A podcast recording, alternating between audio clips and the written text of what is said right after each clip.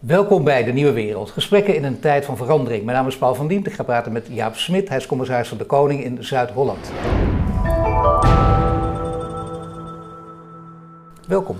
Dank. Ja, commissaris van de Koning in Zuid-Holland. Kijk, dat is natuurlijk fantastisch ook. Kijk, Jaap Smit die een prachtige carrière achter de rug heeft en uh, daar waarschijnlijk nu nog de vruchten van plukt, gebruik van kan maken in deze tijd. Daar gaan we het allemaal over hebben.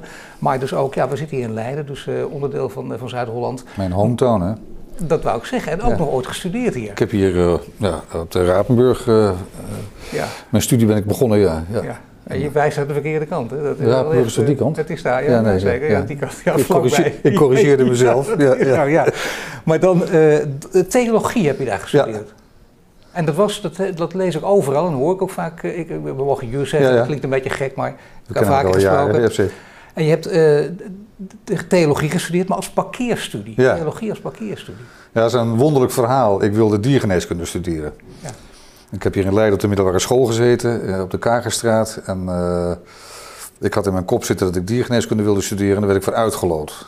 En toen dacht ik, nou ja, ik ben niet iemand van het net niet. Dus ik uh, heb wel gedacht van, nou dan ga ik iets doen wat erop lijkt. Wageningen. Maar ik was op een gegeven moment ook, dacht ik van, ja maar dan ga ik een jaar iets heel anders doen. Maar ervan uitgaande dat het een jaar zou zijn.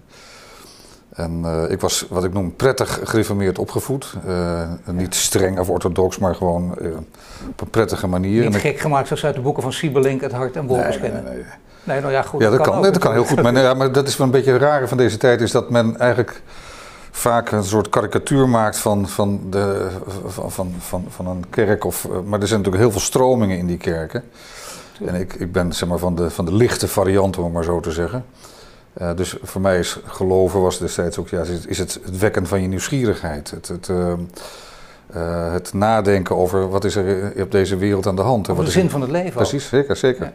Ja. Ik, ik, sprak net met een van je assistenten die filosofie studeert. Ja. ja, ik heb natuurlijk ook heel veel filosofie in mijn studie gehad.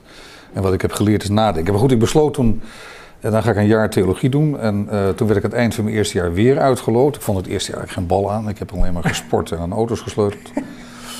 En, uh, maar toen werd ik weer uitgeloten. Toen had ik als tweede keus biologie en dat werd ik ook voor uitgeloten. Ik denk, nou, als dat geen teken is, dan moet ik toch maar boekjes gaan lezen.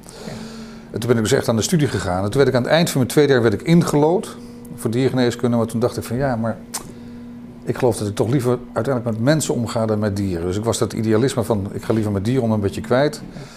Ik heb toen uh, met pijn in mijn hart dat lot teruggestuurd. Ik doe er maar een ander plezier mee. Ik schrijf me in voor medicijnen. Dan haal ik eerst mijn kandidaat, zoals dat toen nog heette, nu heet het bachelors. Uh, uh, dan haal ik mijn kandidaatstheologie. Ik zal vast namelijk uitgeloot worden. Dan switch ik naar medicijnen. En toen werd ik aan het eind van mijn derde jaar in mijn lurven gegrepen door de rector van mijn oude school. Die belde mij op en zei: Jaap, ik heb een baantje voor je. Ik wil dat je terugkomt als leraar. Dat was dezelfde school waar Eberhard van der Laan op, gezeten had. Ik was hem ook opgevolgd als voorzitter van het leerlingenparlement, dus ik was een bekende leerling. Dus de rector belde me op en zei, ja, ik wil met je praten, want ik heb een baantje voor je. Ik zei, man, ik heb nog geen boek uit. Hij zei, ja, maar jij kan dat, dus kom praten. Dus ik ben met hem gaan praten en ik kwam met een contract op zak terug. En werd ik dus leraar op mijn eigen oude school, dat was 22. Ik was net drie jaar van die school af. Ja. En, uh, maar toen werd ik, een, twee weken later werd ik ingelood van medicijnen. En toen heb ik een enorme zware week gehad van, dacht, wat moet ik nou doen? En ja. kijk, als mijn ouders hadden gezegd op dat moment van, joh, we hebben geld zat en kan ons die drie jaar schelen, doe dat. Uh, dat was allemaal niet het geval. Ik kom niet uit een arm gezin, maar gewoon... Uh. En toen heb ik uiteindelijk besloten, weet je wat, dan stuur ik ook dat lot terug, dan maak ik mijn studie af. En um, dat, die baan als leraar hield mij daarbij enorm bij. Ik begon op die school, ik zal nooit vergeten, de eerste dag dat ik op die school kwam als leraar, stond daar de conrector, mijn vroegere aardrijkskundeleraar. En ik stond die trappen aan te kijken en zei, Jaap, uh, hup, je weet wat lokaal is, je kan het. Ja. En toen stond ik daar voor die klas. En ik had dus leerlingen in de klas die mij nog herkenden als eindexamenkandidaat. En ik had broertjes en zusjes in de klas van vrienden van mij. Dat heb ik vijf jaar gedaan met heel veel plezier. Ook orde kunnen houden? Ja, ik heb er nooit een probleem mee gehad. Nee. Maar als je zo dicht bij leerlingen staat, hoe gaat het? Dat was een beetje een type populaire leraar? Of? Nou ja, ik, nee, laat ik zeggen. Weet je, de kunst is dat je, dat je uh, dat in al mijn vakken heb ik gehad dat je een goede balans hebt tussen nabijheid en distantie. Ik uh, ben dicht bij jullie, maar ik ben wel jullie leraar. Dus uh, ik zeg niet dat ik een hele strenge leraar was, maar ik heb nooit. Het is natuurlijk een, een moeilijk vak om te geven, want je kunt er niet op blijven zitten. Maar als je dan uh, met die jongelui in gesprek raakt, en dat lukte mij vrij aardig. Ja, ik, heb dat, uh, kan, ik kan daar een hele uitzending mee vullen met prachtige verhalen uit die tijd. Nou, dat is nog heel interessant. Daar moet ik nog even in mijn achterhoofd houden. Ik, als, als je me één anekdote toestaat. Nou, vooruit. Ja. Uh, nou ja, ik, ik, ik, was in Leiden en ik, had, ik, ik gaf altijd een paar lessen over bijvoorbeeld het scheppingsverhaal. Dus hoe moet je nou zo'n verhaal lezen? Is die Bijbel nou zeg maar, een soort journalistieke weergave van, van, van, van de dagelijkse praktijk van die tijd? Of is het, een, is het een boek met verhalen en metaforen en met gedichten? Zo kijk ik ernaar.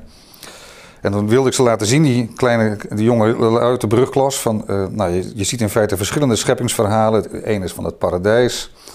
Het andere is van die, die zes dagen waarin die, die hele wereld geschapen wordt. En er is nog een derde verhaal. En ik wilde ze duidelijk maken van dat je op verschillende manieren naar die verhalen kunt kijken. En dus ook naar die, wat is dan de Bijbelse waarheid, om het maar zo te zeggen. En dus, uh, op een gegeven komt zo'n klein jochie hier uit Leiden komt, uh, bij mij en zegt... Meneer, u zegt het dan wel van die zes dagen dat het niet waar is, hè? maar ik heb het gisteren eens gevraagd aan de dom, want ik was op, aan de dominee, ik was op catechisatie en die zegt dat het echt in zes dagen gebeurd is. Ik zei, nou dat kan jongen. Hij zei, ja maar ik lag dan s'avonds in bed, lag ik te piekeren.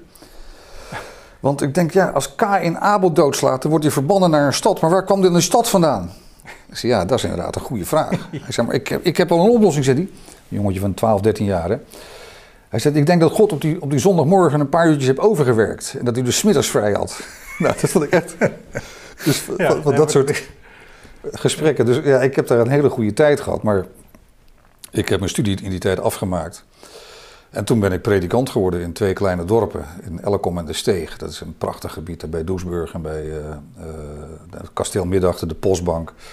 En daar begon ik als 27-jarige uh, jongeling, net getrouwd, in een joekel van een pastorie. En dan begin je met het vak. Op zaterdag ben je nog student, bij wijze van spreken. Op zondag word je bevestigd en op maandag ja, gaat de eerste dood. Nou, dominee, we verwachten veel van u. Dus het was een een soort pressure cooker, een soort snelkookpan waarin je heel snel op temperatuur moest komen. Omdat je, ja, je bent meteen alles. Hè. Je, je loopt niet stage ergens, maar je bent meteen alles. Maar wat leer je daar dan? Heel veel dingen. Um, ik heb veel over mezelf geleerd. Um, hè, want, um, ja, maar dat heb je sowieso. Hè? Dat heb je dus nodig in het leven. Dat, dat is een les, een leven, Zeker. avontuur, risico's nemen. Zeker. Nou ja, goed, dat heb ik een aantal keren gedaan. Ja. Kijk, mijn, mijn motto in het leven is: als je weet dat je kan zwemmen, dan dondert het niet hoe diep het water is. En je zult in mijn carrière zien dat ik een aantal keer gewoon in onbekend water ben gesprongen. En, uh, omdat ik weet dat ik kan zwemmen. Maar dat natuurlijk, maar bovendien is dat ook een, een moment om te leren. Zo leer je jezelf inderdaad kennen. Dat wordt tegen alle jongeren ook gezegd die nu op dit moment overigens weinig uh, kans voor krijgen. Nou ja, ik, ik, werd letterlijk in het diepe gegooid. Een mooie Nederlandse uitdrukking. Uh, en ik weet nog dat ik na anderhalf jaar was ik daar erg moe van. Ik denk, ja, ik, wat is er aan de hand? Ik ben ik ben geduldiger dan ik ben, ik ben geloviger dan ik ben, ik ben aardiger dan ik ben, ik ben uh, nou, alles meer dan ik eigenlijk was. Dus het, ik gaf heel veel. Um, en toen ben ik wel, dus dat heb ik wel van mezelf geleerd. Van ja, en iemand heeft ooit tegen mij gezegd: Je kunt heel veel voor andere mensen betekenen, maar je moet ook goed voor jezelf zorgen. En dat vergeten we wel eens. Dat heb ik ook al in mijn oren geknoopt. En ook in mijn huidige werk heb ik dat ook. Er mag ook wel wat ego in zitten. Ja, er is niks tegen een ego als, het, niet, als, het, zelf niet, als het jezelf niet in de weg gaat staan. Nee, nee, dat is inderdaad nooit gebeurd dat, uh, dat die ego jezelf in de weg. Ja, nou, ik vind en van kijken mensen mee, hè? Dus, uh, ja, ik vind van ja, niet. nee, nee, maar... nee, nou goed, ja, je weet het nooit. Nee, maar die dingen die kunnen meteen naar boven komen. Ja. Er is een kleine anekdote, ik weet nog dat ik toen, maar dat, nee, goed. Beide kanten horen dus bij het leven ook. Dat, nee, maar dit zeggen mensen niet vaak. Hè. Het is vaak, nee, ik, ik, zeker als je commissaris nu uiteindelijk bent, een dienende functie, ik doe wat voor de maatschappij, maar je moet ook aan jezelf denken. Ja, dat heb ik dus echt geleerd van iemand die, uh, toen ik dus, uh, zeg maar, wat echt over mezelf moest nadenken in die tijd. Ik was toen 29, ik was net vader geworden, er was heel veel veranderd in korte tijd in mijn leven. En die zei, Jaap, je kunt dus heel veel, je kunt ook heel veel voor andere mensen betekenen, maar je moet ook goed voor jezelf zorgen. En dat brengt me ook wel bij het Bijbelse gebod heb u naaste lief als uzelf. de pure Calvinist vergeet het laatste wel eens. Ja. je moet ook, ook van jezelf kunnen houden. Je moet ook voor jezelf zorgen. Dat heb ik in mijn huidige werk trouwens ook. Kijk, niemand zit te wachten op een, op een zagrijnige, doodvermoeide, gespannen commissaris. Dus ik moet ook in deze baan ook goed voor mezelf zorgen. Dat, ik zeg niet dat ik mezelf in de watten leg, maar je moet wel ook goed voor jezelf zorgen. Maar ben ik benieuwd, hoe, hoe doe je dat dan? Hoe leg je jezelf in de watten tussen aanhalingstekens? Uh, nou, kijk, een van de dingen, uh, ik, ik, ben een vervent watersporter en ik ben heel graag ik op het water. even een feest in een tentje bij het Binnenhof, nee. maar nee, maar, nee, maar goede week. Daar was ik niet bij. Nee, toch niet. Nee. nee. ik ben een vervent watersporter en ik weet nog dat ik uh, dacht van, ik, heb, ik heb dan ooit mezelf een mooie boot aangeschaft, een zeilboot, veel meer over de zee gevaren. En dat was voor mij het, het, het, zeg maar, het symbool van hier zorg ik even goed voor mezelf. Ik was natuurlijk wel blij dat ik me dat kon permitteren, want laten we wel zijn, dat, is, dat kan niet iedereen. Maar dat is nog steeds. Hè. Dus als je mij zoekt, bij wijze van spreken, dan, dan ben ik op de Kagerplas in dit geval, want ik woon hier nu vlakbij. Ja. Maar dat is voor mij een moment waarop ik zeg, nou ben ik even gewoon, het is mijn eigen wereld en daar, daar, daar, ja, daar waait mijn hoofd schoon en dan kom ik altijd weer... Uh, nee, dat begrijp ik heel goed. Maar natuurlijk, je moet altijd, ook in deze functie volgens mij, bereikbaar zijn. Of zijn de eisen Ik ben altijd bereikbaar. Hoog? Toch wel. Dus ook op die boot? Ook op die boot. Ja. ja. Dus dat, maar goed, in die tijd in, in Elkom en de Steeg, ja, ik kom er elk jaar nog, want ik preek nog wel af en toe. Dus ik ben mijn oude vak niet vergeten. Dus twee, drie weken geleden stond ik daar weer. Ja, die mensen hebben mij zien komen als een 27 jaar. Die zeggen, god, is toch wel, ja, dus, we kennen hem nog van die tijd. En, en, maar dat was een mooie, indringende tijd. Um, je vroeg wat ik heb geleerd. Nou, ook over. Uh, je komt uit een academische wereld. Ik weet ooit dat ik tegen een hoogleraar van mij, mijn, mijn leermeester, zei. Man, je hebt me allemaal dingen laten lezen over de Frankfurter Schule en over uh, allerlei andere uh, filosofen en noem maar op. En ik sta daar in een kleine dorpsgemeenschap, die weten niet eens hoe je. Die, die, die kennen dat niet. Die vragen van mij andere dingen. Dus je komt dan uit een academische wereld. En je, je wordt ondergedompeld in het gewone, normale bestaan van ook hele eenvoudige mensen die van jou hele belangrijke dingen vragen. Dus dat is voor mij een, hele indringende en leerzame tijd geweest waarin je uh, ja, goed, goed hebt leren luisteren naar wat, wat mensen beweegt en uh, wat hen bezwaart en wat, welke zorgen ze hebben. Je wordt betrokken in de intimiteit van, uh, van families in sterfgevallen, noem maar op. Dus ik vond het een hele... Dat is iets anders dan, dan in een ivoren toren zitten, dan uh, met, met uh, enig uh, intellectueel neerkijken op de massa. Nee, dat, dat, dat, nee, daar red je het niet mee, maar dat, zo zit ik zelf ook niet in elkaar. Nee. dus men, ook in mijn huidige werk heb ik daar, ben heel blij dat ik zeg maar, met die leerschool begonnen ben. Want daar heb ik zeg maar, echt goed leren luisteren naar ja, wat mensen zoals wat ik net zei. En ook de tijd daarna, toen ik legerpredikant werd in, uh, in Duitsland. Dus ik heb vier, een predikant staat, ik heb vier jaar gestaan uh, in de Steeg. Toen heb ik vier jaar gelegen, want een soldaat is gelegerd. toen zat er nog een groot contingent in, in, Duitsland in de tijd van de Koude Oorlog. Ik heb er van 88 tot 92 gewerkt en gewoond. Dus met mijn hele jonge gezin, twee piepjonge kinderen, daar naartoe verhuisd nog in de tijd van de dienstplicht. Dus daar trok ik op met 7 keer 24 uur met jongelui uit de grote steden die daar voor een nummer opkwamen. Ja. Daar kan ik ook een hele avond over vertellen. En uh, ik weet nog goed dat ik mijn eerste dienst te velde hield. Uh, uh, en ik dacht, ja, wat moet ik daar nou vertellen? Hè? En na bier en zware checkstinkende tent stond ik in het, op een oefenplaats bij Koekshaven in de buurt. En dan regende het altijd in die tijd. En dan moesten de jongelui, als ze opkwamen, meteen twee weken moesten ze uh, in de prut, om het maar zo te zeggen.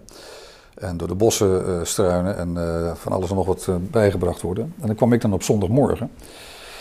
toen had ik een verhaaltje gemaakt over buddy zijn van elkaar. Ja. En ik had een paar teksten bij elkaar gehaald van het verhaal van Kaan en Abel. Hè. Dus ben ik mijn broeders hoeder, is daar de vraag die gesteld wordt. Antwoord ja. Het antwoord is ja. Dat merken we in deze tijd ook heel sterk. En tot en met Heb u naast lief als uzelf. En, nou, en, met muziek van Phil Collins. Uh, Another Day in Paradise. En Joe Cocker, Without a Little Help from My Friends. En na een half uurtje was ik klaar. En er zaten 140 man in die tent. En ze moesten altijd de eerste keer... moesten ze kennis maken met de Doom. Met de Doom heette dat. En ik was klaar. En op een gegeven moment staat een Hagenees op. Een soldaat. En, en, die zegt... hey Doom. Oh, we hoort een beetje verder, man. Die gezegd gaat tenminste ergens over. Dat gelul van die kapitein de hele week gaat nergens over. Dus kennelijk had ik een snaar geraakt. Doordat ik had gezegd, hier zul je merken dat je het niet redt als je niet een beetje acht slaat op elkaar. Dus pas een beetje op elkaar en let een beetje op elkaar. Ja, dat, dat maar daarnaast ook uh, het belang van goede verhalen, verhalen zeker, vertellen. Zeker, zeker. Ja. Ik zou bijna zeggen, het heeft haast te maken met een visie. Ja dat, vind, ja, dat is ook een belangrijk punt. Uh, je moet, uh, ja, ik heb voor mezelf al duidelijke beelden van uh, wat is er in de samenleving aan de hand en wat staat ons te doen. hè, want ook politiek, dat is voor mij geen management. Politiek, dat is ook zeg maar een leiding geven in een richting waarvan je denkt van ja, maar die kant moeten we op. Ja, zullen we meteen even de knuppel in het hoenderhok. Heel anders dan de huidige premier natuurlijk doet. Hè? Met alle moeilijkheden en ga er maar eens voor staan. Dat weten we allemaal, natuurlijk in die positie, maar toch. Dat is geen verhalen vertellen, dat is niet de man die van visie houdt, dat is ook niet uh, degene die doet wat jij nu zegt. Dat is juist eerder een pleister. Nou ja, kijk, het geeft ook zelf toe, practicus. Het is een, een, een practicus, een pragmaticus, en, uh, maar ik, ik, ik, ken de, onze premier ook uh, redelijk. En het is ook wel een man met. met uh, nou ja, het, het, kan je visie zijn dat het op dit moment gewoon noodzakelijk is om een aantal dingen gewoon te regelen. Want het, kijk, een ideologie is. Dat vind ik een hele handige manier om weer uit te praten. ja, nee, geen visie is ook een visie. Nee, dat is inderdaad heel nee, slim. Nee, nee, nee, natuurlijk. Nee, maar goed, uh, het kan wel eens zijn dat in deze tijd. Uh, ik denk dat het nu nodig is dat we met elkaar een richting gaan, gaan zoeken. Hè? Want we leven echt in, wat, wat in, in een transitieperiode. Dat woord wordt heel veel gebruikt. Zeker. Maar transitie, dat is een, een, reis. Ja, je kunt er een mooi Bijbels verhaal bij halen. Want het hele verhaal van de uittocht uit Egypte was ook een transitieverhaal. Waarin mensen op zoek gingen naar een nieuwe toekomst. Omdat de wereld waarin ze op dat moment leefden niet de toekomst had. Ja, maar dan wil je wil definiëren. Marlie Huijer zegt het ook altijd. Hè? De, de Denker des Vaderlands. En die heeft het hier ook aan tafel gezegd. Je moet dan wel een definitie hebben, een visie op wat is het goede leven. Want waar ga je naartoe? Wat voor toekomst wil je dan? Ja. Maar in mijn, precies, maar in mijn ogen is dus politiek en, en leidinggeven is niet zeg maar, het wassen van varkentjes. Uh, van, uh, van het ene probleem naar het andere probleem. Maar ook zeggen van deze richting zullen we ons moeten, moeten opbewegen. Eh, en ik denk dat we nu wel in een tijd leven waarin er een enorme behoefte is aan verhalen en ook aan richting. Dus ook aan ander leiderschap. En daar is niets mis mee, want zo gaat het in het leven. Een leider die een andere periode past en het uitstekend deed, die moet misschien vervangen worden door een leider die het nu beter doet. Nou ja, goed, meer past in deze tijd. Ik heb zelf groot respect voor de wijze op de premier dat in de afgelopen tien jaar gedaan heeft. En uh, ik heb natuurlijk ook regelmatig van dichtbij meegemaakt. Uh, uh, ja, ieder heeft op een gegeven moment zijn tijd, maar ik weet niet of die tijd nu is aangebroken. Ik denk nou, als ik jou zo hoor, wel natuurlijk, want dan zeg je dat... dat nou, als je goed naar hem luistert, dan... Nou, ik ga je niet zeg maar een loftuiting op, op wie dan ook hij doet het zelf ook niet. Hij zegt zelf een pakket maatregelen van half september, kroeg om één uur dicht en dan gaat het steviger moeten. Te veel nadruk op eigen verantwoordelijkheid in de communicatie. Te veel uitzonderingen, maximum van 30 personen in een zaal. Het ging maar door. Hè. Hij, hij, hij, is niet van de zelfkritiek in het openbaar, maar hier wel. Weet je, het lastige van deze tijd is, dat vind ik ook wel... Uh, aan de ene kant, ik heb er laatst een preek over gemaakt. Over, uh, ja. Gemaakt of gehouden? Ook al gehouden. En waar?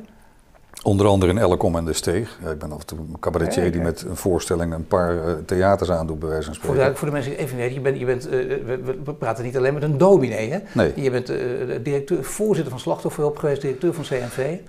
Nee, ik ben begonnen als predikant in Elkom de Steeg, vier jaar. Toen heb ik vier jaar in Zeedorf gewerkt als legerpredikant. Toen was ik 35, toen kwam ik terug naar Nederland. Toen ben ik predikant geworden in Heemstede. En, uh, en, toen had ik voor de zoveelste maal een ernstig gevoel van claustrofobie. Van is dit nou wat ik de rest van mijn leven blijf doen? Ja, en toen consultant bij? Toen werd ik consultant KPMG. bij KPMG. Ja. Dat heb ik zeven jaar de bij koopman. Ja, de, toen werd, ja. ja. Dus de harde markt, de ja. lessen ook de markt die geen genade kent, dat soort lessen ook geleerd. Zeker, zeker. Ik heb, en toen kwam ik bij KPMG binnen en daar had ik... Uh, uh, daar, daar, moest ik ineens per uur een fors bedrag voor mijn, uh, voor mijn diensten in rekening brengen en omzet maken en acquisitie plegen. En kwam echt, ja, nou goed, ik maakte daar een steile carrière. Ik vond dat ook een hele mooie wereld. Dat heb ik, die mengeling heb ik. Ik ben zeer, ik noem mezelf een, een bevlogen realist of een pragmatische idealist. Hè? Dus er zitten gewoon wel die twee kanten in. En bij KPMG heb ik dat zeven jaar gedaan, prachtige opdrachten gedaan. Het ging altijd over de mens in de organisatie. Ja. En toen ben ik overgestapt naar een kleiner bureau, naar Anderson Elvers Felix in Utrecht.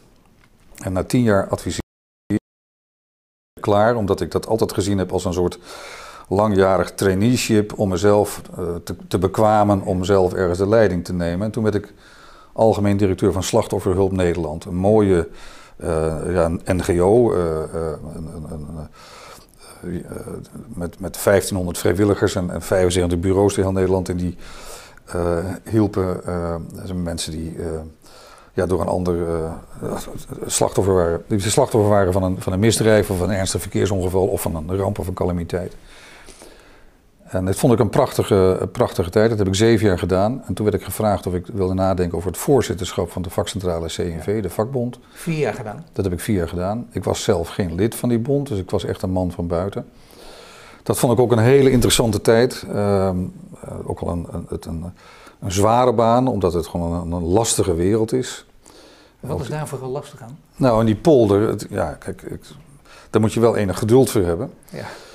Uh, uh, en laat ik zeggen, het was ook in de periode waarin de, de, de crisis hier, de financiële crisis hier, heftig was. Ja. En dat sociale akkoord in 2013, daar staat ook mijn handtekening onder. Ja. Um, en dat was echt een tijd waarin ja, echt het financieel heel slecht ging. Een grote stijging van de werkloosheid. Um, uh, dat was ook niet een tijd waarin ik vond dat je alleen maar kon hameren op oude rechten. Maar met de andere partij, de werkgevers in dit geval, moest zoeken naar hoe vullen we nou een aantal dingen op een moderne manier in.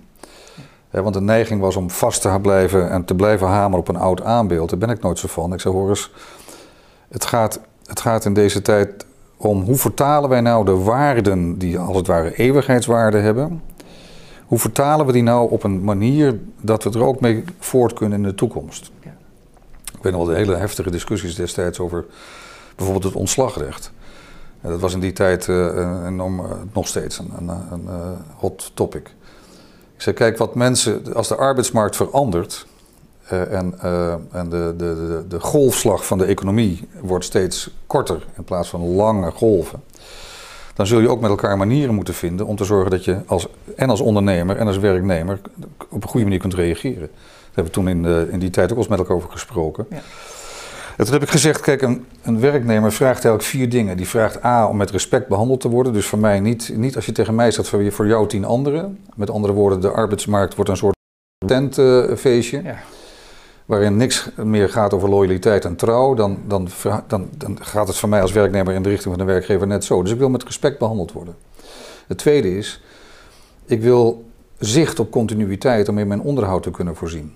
Uh, dus uh, ik wil niet s'avonds mijn vrouw moeten bellen mee, want we zijn alles kwijt. Nee. Dus ik, ik hoef niet een vaste baan voor 40 jaar. Dat was vroeger zo, maar ik wil wel zicht... En daarna een leentje van de commissaris. Precies, ja. van de koning.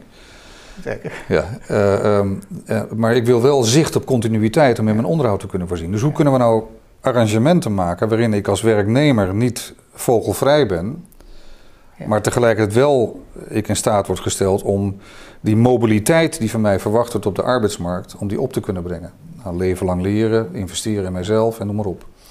Leven lang ontwikkelen, hè? Precies. Veel betere want ja, dat is ook een transitie die plaatsvindt. Hè? Dus de wereld is echt significant veranderd ten opzichte van mijn jeugd, zeg maar. Dat gaat steeds sneller. Dus hoe maak je nou mensen in, hoe stel je mensen in staat om mee te bewegen op die golven zonder dat ze het gevoel hebben, ja, ik ben al mijn zekerheden kwijt. En dat is natuurlijk een sleutelwoord in deze tijd. Mensen zoeken ook zekerheid. Ik zelf ook. Ik ging daar die preek trouwens over? Nee, die preek ging over hoe gaan we om met vrijheid. Mag je zo zeggen, maar even, welke zekerheid zoek je zelf dan? commissaris van de Koning en uh, nou, je hebt je bijgetekend, uh, dat gaat even door. Dus uh, mooi toch? Dus je dat is klusje geklaard? Jawel, maar ik realiseer me ook van dag tot dag dat ik natuurlijk wel, ik, heb een, een, ik, sta, ik sta in dienst van, van mensen die uiteindelijk wel mijn diensten moeten willen afnemen. Ja. ja. dus ehm, ook met zo'n herbenoeming, ik ben, je wordt voor een periode van zes jaar benoemd en in januari ging mijn tweede termijn in. Ik ben in 2014 begonnen. Ja, dat is wel een moment waarop je zegt van, uh, welk rapportcijfer krijg je? Want ik, eh, ja, ik zeg, ik ben er wel benoemd, maar dat is ook niet voor de eeuwigheid. Dus ik, ik, ik, ik was over, dus ik mocht blijven zitten, uh, heb ik toen gezegd. Ja. Maar dat is wel, ja nee, maar dat moet je jezelf goed bewust zijn. Dat, Ik ben dan wel misschien een hoge pief, uh, maar ik, ik doe dit niet ter meerdere eer en glorie van mezelf, maar ook gewoon om op die manier een bijdrage te leveren aan de samenleving, die op dit moment gewoon in een ingewikkelde... Ja, uh, nee, dat is belangrijk. Maar we hebben daarna nou, gehad daarna natuurlijk ook uh, jezelf uh, in ieder geval niet ontzien, want dan zou het niet werken. Als zit nee, een gereinige commissaris die alleen maar dienaar is voor ons allemaal, dat willen we ook niet. Nee, we hebben nieuw, nieuw leiderschap. Je hebt jezelf ook door al die jaren steeds moeten ontwikkelen. Ben je nu ook een andere leider geworden dan een aantal jaar geleden? Nou, als ik, ik, volgens mij mensen die mij goed kennen weten dat ik zeg maar, ten diepste niet echt veranderd ben door alle dingen die ik heb mogen meemaken. En ook niet door de positie waarop, waarop ik ben terechtgekomen. Kijk, ik ben een gewone jongen met een bijzondere functie. En beide moet ik niet vergeten. Ja. dus, ehm, dus ik heb een bijzondere functie waar ook bepaalde protocollen bij horen, maar ik ben ook een gewone jongen. En die beide moet ik niet vergeten. Maar, maar tuurlijk, maar in andere tijden moet, moet, moet, je toch op een andere manier ook al jezelf, geen, geen, geen, geen uh, ja, jezelf niet verlogenen. Nee. Maar natuurlijk wel jezelf op een andere manier weer ontwikkelen. Zoals het populair heet, jezelf steeds opnieuw uitvinden. Dus ook op een andere manier leiding geven dan, dan 20 jaar geleden. Zeker, zeker. De, de, baan die ik nu heb, zou ik zeg maar 15 jaar geleden niet op de manier hebben kunnen doen zoals ik die nu doe. En waarom niet? Ik denk dat ik toen nog wel wat lastiger was en, dingen willen bereiken en dingen willen neerzetten, je weer willen bewijzen. Toen ik deze baan uh, aanvaarde, zei iemand tegen mij: Ja, in die baan hoef je je niet elke dag te bewijzen, want je hebt die baan omdat je dat op andere punten gedaan hebt. Ja. Uh, dat wil niet zeggen dat je op je lauren kunt rusten. Maar deze baan vraagt enige, ik ga er ook zo voor zitten, een beetje uh, beschouwelijke afstand. Ja. Uh, en uh, als je zeg maar, met die baan begint die ik nu heb, heel concreet, nu moet dit gebeuren, als een soort projectleider dingen van elkaar wil krijgen. Nee, dat doen anderen. Dus je bent ook een beetje, zeg maar, als het ware de coach. Decorum speelt een grote rol natuurlijk ook. Nou, dat denken mensen. Dat is, dat is maar een beperkt deel. Nou, ik bedoel, in, in positieve zin toch ook. Gewoon uh, mensen op een bepaalde manier kunnen toespreken. Je gaat ja, niks ook zo zitten. Dat, dat, is wel iets, iets... Nee, dat klopt. Dat klopt. maar als decorum verstaan wordt als van je bent er voor de versiering dat is niet zo. Nee, uh, niet uh, de linkjes knippen, dat nee. weet ik zeker. Nee, dat is die grap, die mag je niet meer maken. Ik ben blij dat ik hem toch één keer heb kunnen maken. Dat kan niet meer, snap ik. we gaan hier nog op het door, maar even nu die preek. Die mogen we echt oh, niet vergeten, want waar ging die over? En die had met deze tijd te maken. Het ging over vrijheid. Van, van Paulus aan de Galaten. Je moet je voorstellen, in de eerste eeuw na Christus uh, werd het verhaal van, van, van Jezus, van Christus, werd dus verteld. En Paulus was daar een boodschapper van, hè, de apostel. En die komt dan in, een, in een, een gebied in Turkije, is dat geloof ik. En die vertelt daar het nieuwe verhaal. En er wordt een nieuwe gemeente gesticht. En die wil ze duidelijk maken dat dat, dat verhaal dat hij vertelt niks te maken heeft met het wetticisme van, van zijn tijd. Waarin geloof als het ware vertaald werd in een, in een soort wetboek van strafrecht. Waarin precies stond wat wel en wat niet. Een soort mathematische, wiskundige uh, exercitie. Maar dat het ten diepste gaat om één ding, en dat is heb u naaste lief als uzelf. En laat je leiden door de geest. Uh, en, en, hou jezelf een beetje in toom. Uh, dat is in feite de kern van dat verhaal. Maar die mensen van zijn, van zijn. Ze zegt in feite: hier heb je de vrijheid om te genieten van het leven. Maar onthoud één ding: heb u naaste lief als uzelf. En uh, laat je voeden door de geest. Um, die je begeert ook in toom houdt, zegt hij dan. Maar die mensen van die tijd, die hadden moeite met die vrijheid. Dus die grepen zelf weer terug op zeg maar, het ouderwetse systeem. Dat zich vertaalde in van je kunt, je kunt alleen maar het heil bereiken als je in dit geval besneden bent. Dat was de kern van het ouderwetse geloof. En hij zegt, daar gaat het niet om. Dus hij zegt, hier heb je de vrijheid, want je bent vrijgemaakt. Maar alleen dit zijn de kaders waarbinnen je die vrijheid kunt genieten. Dus een beetje, dat heb ik gezegd, kijk, het lijkt een beetje op deze tijd in deze crisis waarin voortdurend een appel wordt gedaan op ons gezond verstand. Ja. Dus ik, ik ga jou niet precies zeggen wat je wel en wat je niet mag, maar je weet toch zelf wel wat, wat verstandig is. Eigen verantwoordelijkheid. precies. En let een beetje op de ander. Hè? Dus uh, en, en, hou die anderhalve meter afstand, was je handen stuk en een hele riedel kennen we. En toch werkt het niet, omdat mensen uiteindelijk ook vragen van ja, maar wat mag nou precies wel en wat mag nou precies niet? je krijgt een oerwoud van uitzonderingen en ontheffingen. En mensen, ja, maar als dat daar wel mag, waarom mag dat hier niet? Ja. Eh, terwijl je aan de andere kant kunt zeggen, ja, hier heb je de vrijheid, zo zijn wij gebakken. Gebruik die vrijheid dan op een verantwoordelijke manier.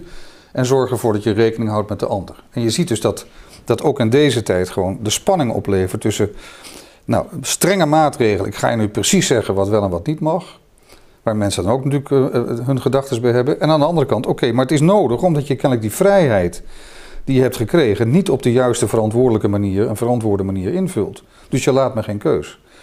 En dat is de spanning. Dat is überhaupt de spanning rond het begrip vrijheid. Wij praten in onze samenleving heel graag over vrijheid van alles. Vrijheid van meningsuiting. Ja, je mag alles zeggen in het land. Maar je moet gewoon niet alles zeggen. Daar wordt het niet gezelliger van. Nee, nou hebben we aan de andere kant wel, uh, daar hebben we hard voor geknopt. Hele belangrijke grondrechten die ook, ook, niet voor niets in de wet staan. We hebben hier aan deze tafel ook vaak met mensen over gesproken. Die zeggen ook, let op, die moeten we niet zomaar uit de handen geven. Ook al zijn dit uitzonderlijke omstandigheden, daar moeten we voor uitkijken. Dat klopt. Voor je het weet worden allerlei uh, zaken die, die nu als uh, tijdelijk worden gezien, worden toch permanent. En dat, zijn natuurlijk ook, dat is de andere kant van de medaille. Dat ben ik volstrekt met je eens. Uh, vrijheid is ook een heel delicaat uh, onderwerp. Uh, dus net als met de liefde, als je die niet onderhoudt, dan gaat het kapot. Dus met vrijheid net zo. En vrijheid, dat, dat zegt die tekst in, waar ik het net over had ook.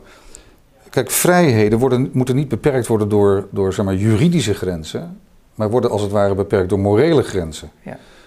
Uh, en daar hebben we een probleem in deze samenleving. Want kunnen wij elkaar nog aanspreken op gewoon fatsoen, op, op uh, moraliteit? Op, uh, ik noem mezelf wel eens een moralist, want ik denk dat het tijd wordt dat we ook weer gewoon over de moraal praten. Ja, hoewel moralisme ook tot enorme verkramping kan leiden. Dat zien we natuurlijk af en toe ook. Als je dat te vaak gaat doen, dan krijg je dus elkaar voortdurend de maat lopen nemen. En dat is uh, je hebt de, de, de, oude Grieken met Apollo, maar je hebt ook Dionysus. Die zegt ook, uh, dat zeg je zelf ook in dit gesprek, avontuur is nodig. Om onzekere tijden tegemoet te gaan, met onzekerheden om kunnen gaan. Anders kun je ook nooit jezelf leren kennen. Dat is nu wat een jonge generatie aan het missen is. Dus Zeker. Dus dat is een te overspanningsveld gesproken. Nee, maar begrijp, laat ik zeggen, ik moet niet verkeerd begrepen worden. Vrijheid is een heel belangrijk goed, maar bij vrijheid hoort ook een morele hygiëne. Uh, dus uh, om de vrijheid goed in te, uh, in te vullen, hoort ook een, nou, een, een, een, een, moreel kompas. Waarop je elkaar ook kunt aanspreken. En wat ik wel eens zie nu, is dat wij op sommige punten een hele kleine moraal hebben. Ik ga toch zeggen, vroeger waren we het land van de koopman en de dominee. Ja. Soms denk ik wel eens dat we het land van de kruidenier en de fariseer aan het worden zijn. Ja waarin we voortdurend op zoek zijn. Dan kan ik nog iets vinden waarin, waarin, uh, waar, waarmee ik jou in discrediet kan brengen of wat dan ook. Dat gaat over de kleine moraal. Uh, terwijl de grote ja, hypermoralisme is dat. Precies. Terwijl de grote moraal, daar gaat het om vraagstuk. Hoe gaan we nou, hoe verhouden wij ons nou tot elkaar? En wat zeg je wel en wat zeg je niet? Ik moet niet tegen jou kan, gaan zeggen van dit mag je niet zeggen. Maar ik mag wel uh, tegen jou zeggen, Paul, dat zeg je toch niet? En als jij dan gaat, dat antwoord met de vraag van, ja, maar waar staat het dan? Ja, dat staat nergens, maar dat weten jij en ik toch? Wordt het toch... En dat gesprek over hoe we dan dat kostbare begrip vrijheid, en zeker in dit jaar van 75 jaar vrijheid, hoe we dat begrip invullen, ja, dat is, uh, denk ik, uh, moet het gesprek van de dag worden. Nou ja, dat gesprek van de dag geven ze ook, is, is gebaat, en daar weet je alles van, uit verschillende functies, uh, bij goed leiderschap, maar ook leiderschap passend bij de tijd. Dus bij deze tijd, en we kwamen er net op, het gaat nou niet om, om Rutte-bashing. Dat, dat, dat, dat is ook, in zekere zin ook een functionaris. Het gaat om wie is degene die dit nu moet doen? Welke persoon zou dit nu moeten doen? Iemand die dus wel een verhaal, wel een visie heeft, die ook een idee heeft over wat goed leven is. En goed leven is dus gebaat bij, bij avonturen en bij risico's nemen. Zeker als je jong bent. Zeker. Ik het zelf, heb het allemaal meegemaakt. En juist op fouten leer je ook. Al die clichés zijn waar. Maar maak het wel mee ook alsjeblieft. Ja. En geef mensen dus de kans om het mee te maken. En ga dus niet krampachtig om met dat we, we mogen geen enkel risico meer nemen. Hè? Want, want als je de virologen aan het woord laat, dan mogen we geen enkel risico meer nemen. Is dat niet een, leidt dat niet tot een te krampachtige, niet avontuurlijke, ongelooflijk saaie samenleving? Nou, als je het koppelt aan de huidige coronacrisis, ben ik wel blij dat we.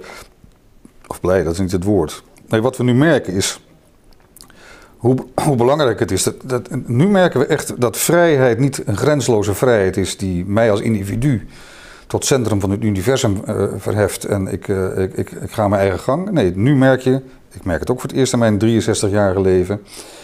Dat is uh, hartstikke jong. ja, ja. ja. Maar dat, nee, maar goed, ik heb nooit anders meegemaakt dan nee, dat je gewoon je, je kon bewegen, noem maar op. En nu wordt mijn beweging wordt voor een groot deel beperkt door de verantwoordelijkheid die ik voor de ander moet opbrengen.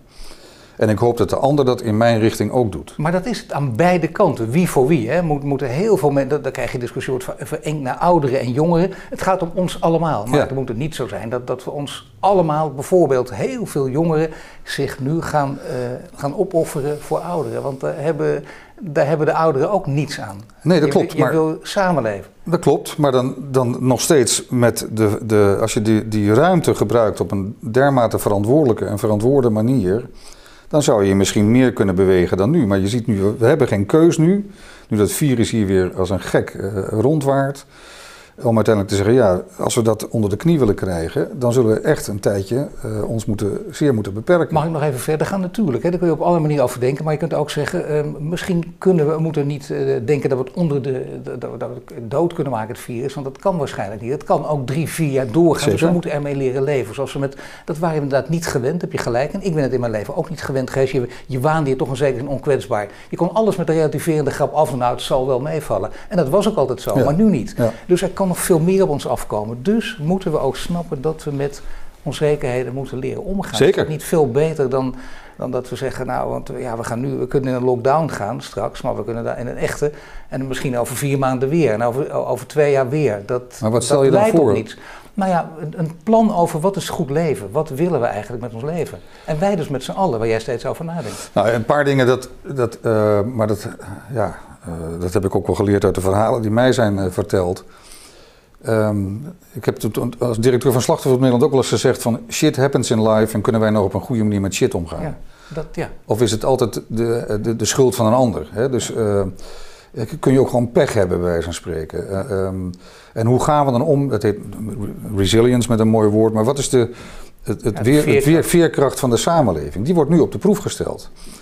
En ik denk wel eens dat de, de samenleving of de wereld waarin ik ben opgegroeid is een beetje een beetje ingericht op, op uh, figuurlijk gesproken mooi weer. Ja. Hè, waarin alles klopt. En waarin nooit pijn, nooit lijden. Precies. Nul risico, ja. dat ook.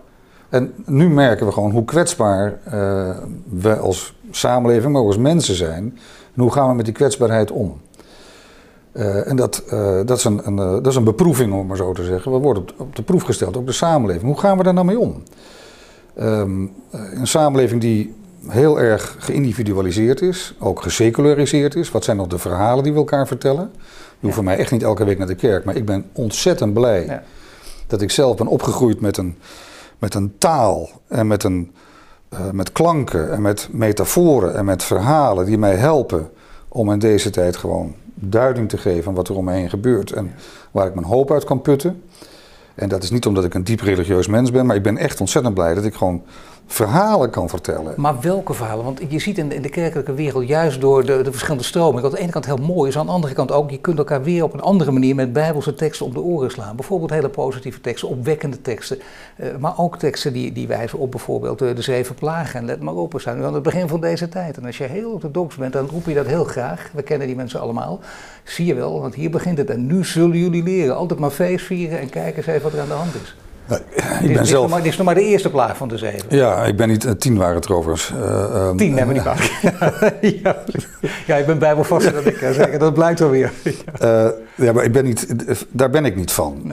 Dus het, het, is altijd gevaarlijk als je zeg maar, het moment waarop je leeft zeg maar, plakt aan, aan apocalyptische beelden uit... Een, een, een, hè, maar... Um, zo zit ik ook niet in elkaar. En, uh, uh, nee, maar sommige gelovigen, we hebben het nu over geloof natuurlijk wel. En die zeggen, ik put, die, die putten ook, mensen putten ook serieus moed uit juist die verhalen. Ja, maar dat wil ik zo ook niet ontnemen. Want het mooie van, van, van geloven of religie is dat, uh, ja, dat kent vele vormen. Kijk, ja.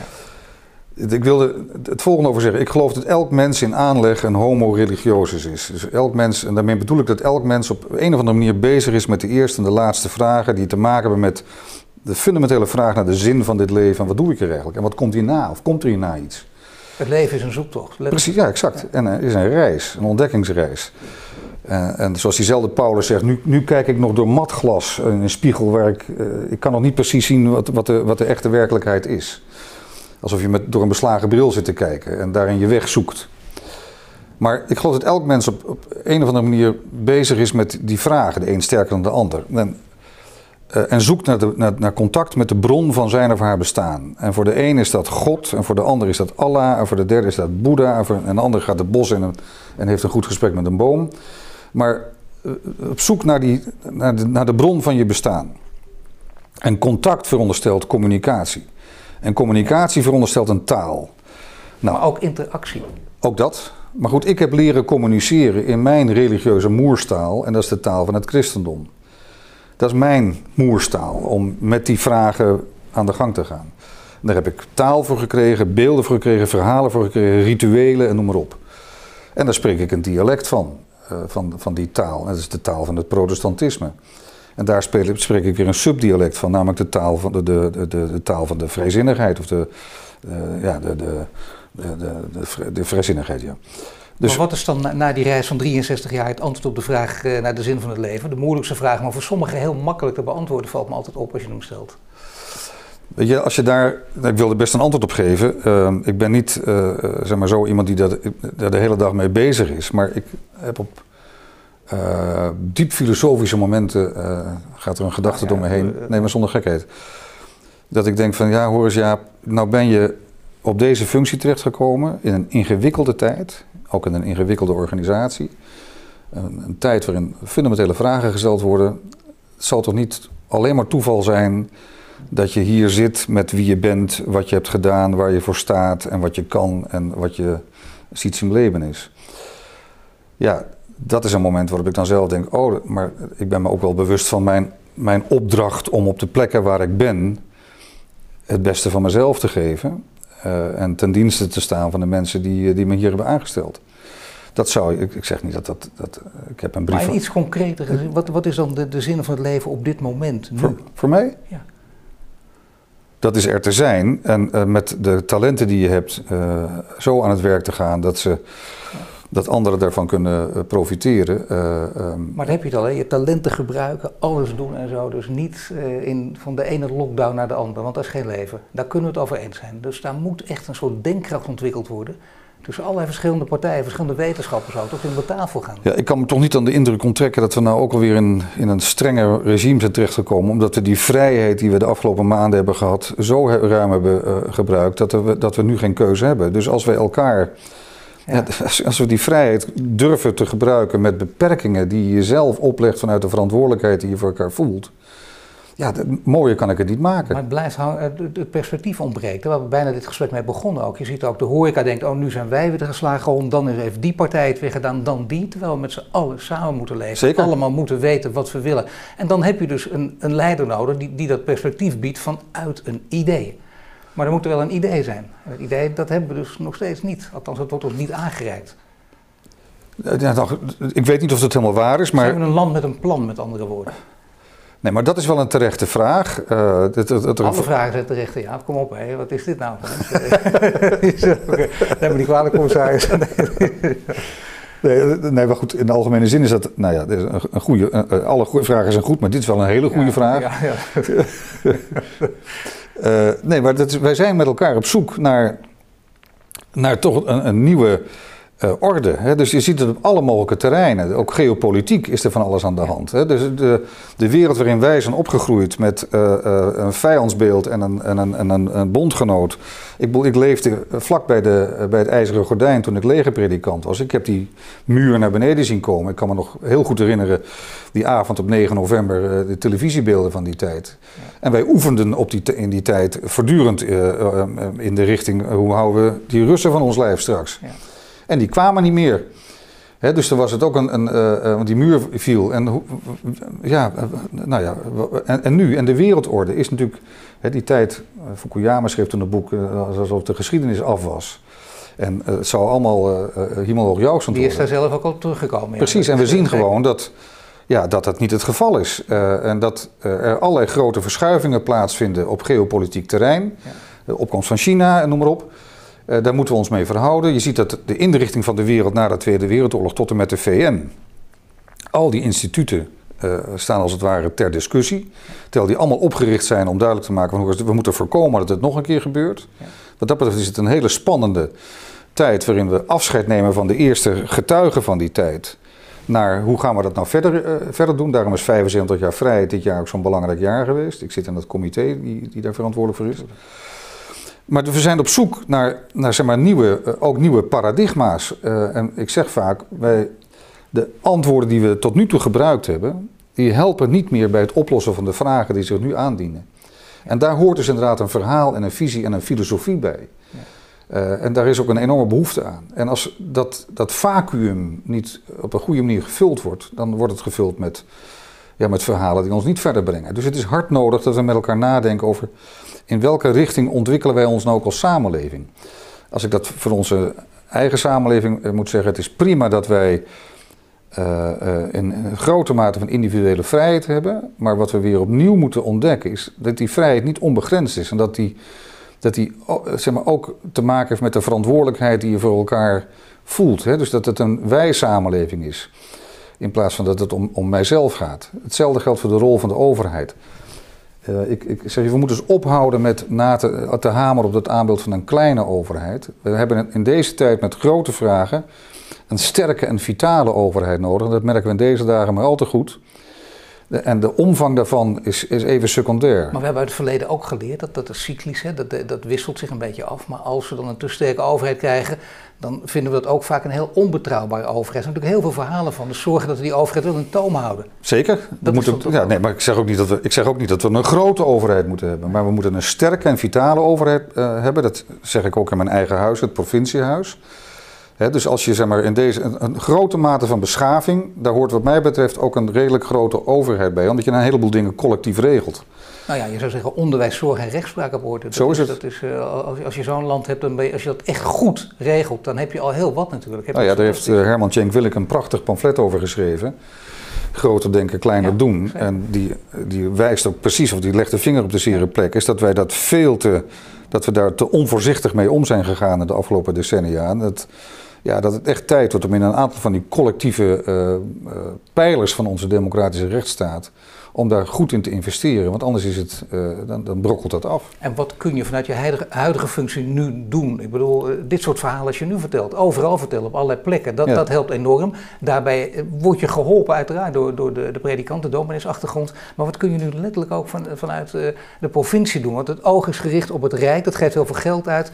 de grote steden waar de problemen zijn, die, die, die niet het budget mogen overschrijden, waardoor ze dus belastingen moeten verhogen, is de burger toch weer de pineut. En die twee spanningsvelden. En dan heb je de commissaris van de Koning. Wat kan die doen? Want je bent geen lintjesknipper, zoals je al zei.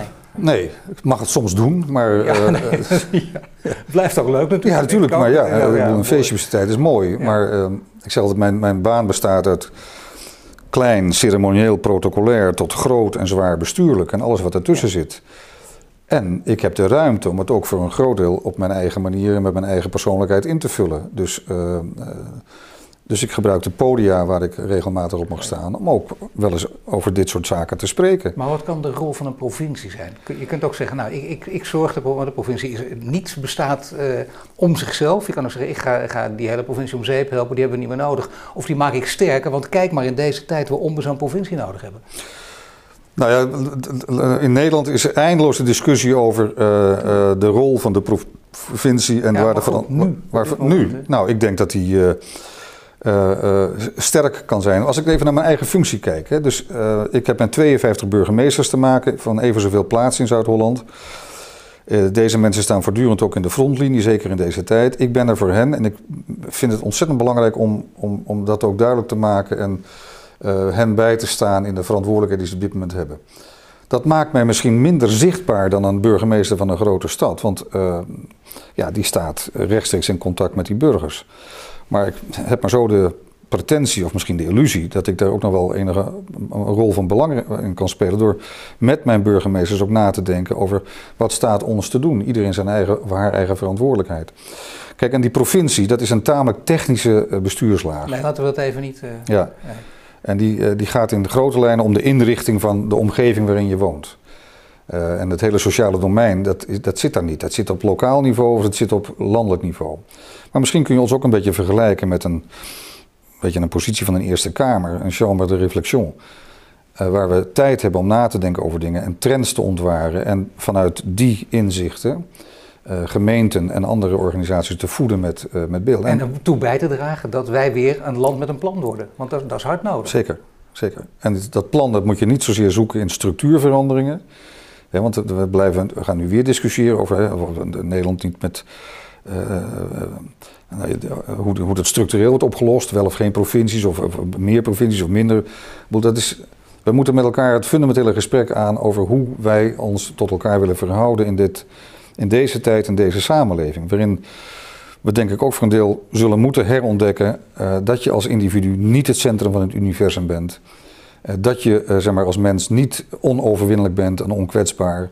Maar desondanks jezelf wel af en toe in de watten moet leggen.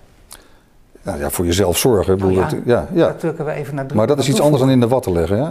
Tussen aanhalingstekens, ja. we hebben in dit gesprek al gezegd. Maar dat hoort, dat is juist goed dat je dat erbij zegt volgens mij. Dat hoort er wel bij, want anders is het alleen maar het, het sobere Calvinistische Ja, nee, dat als ik zeg maar als een, als een zo door het leven ga, dat zwaar gebukt, dat wordt ook niks. Nee, goed. Dat is een heel mooi einde van dit gesprek. Hartelijk dank. En ik hoop dat we elkaar vaker kunnen spreken hier in Leiden, in de mooie provincie Zuid-Holland. Ja, Dank u wel, Jaap Smit.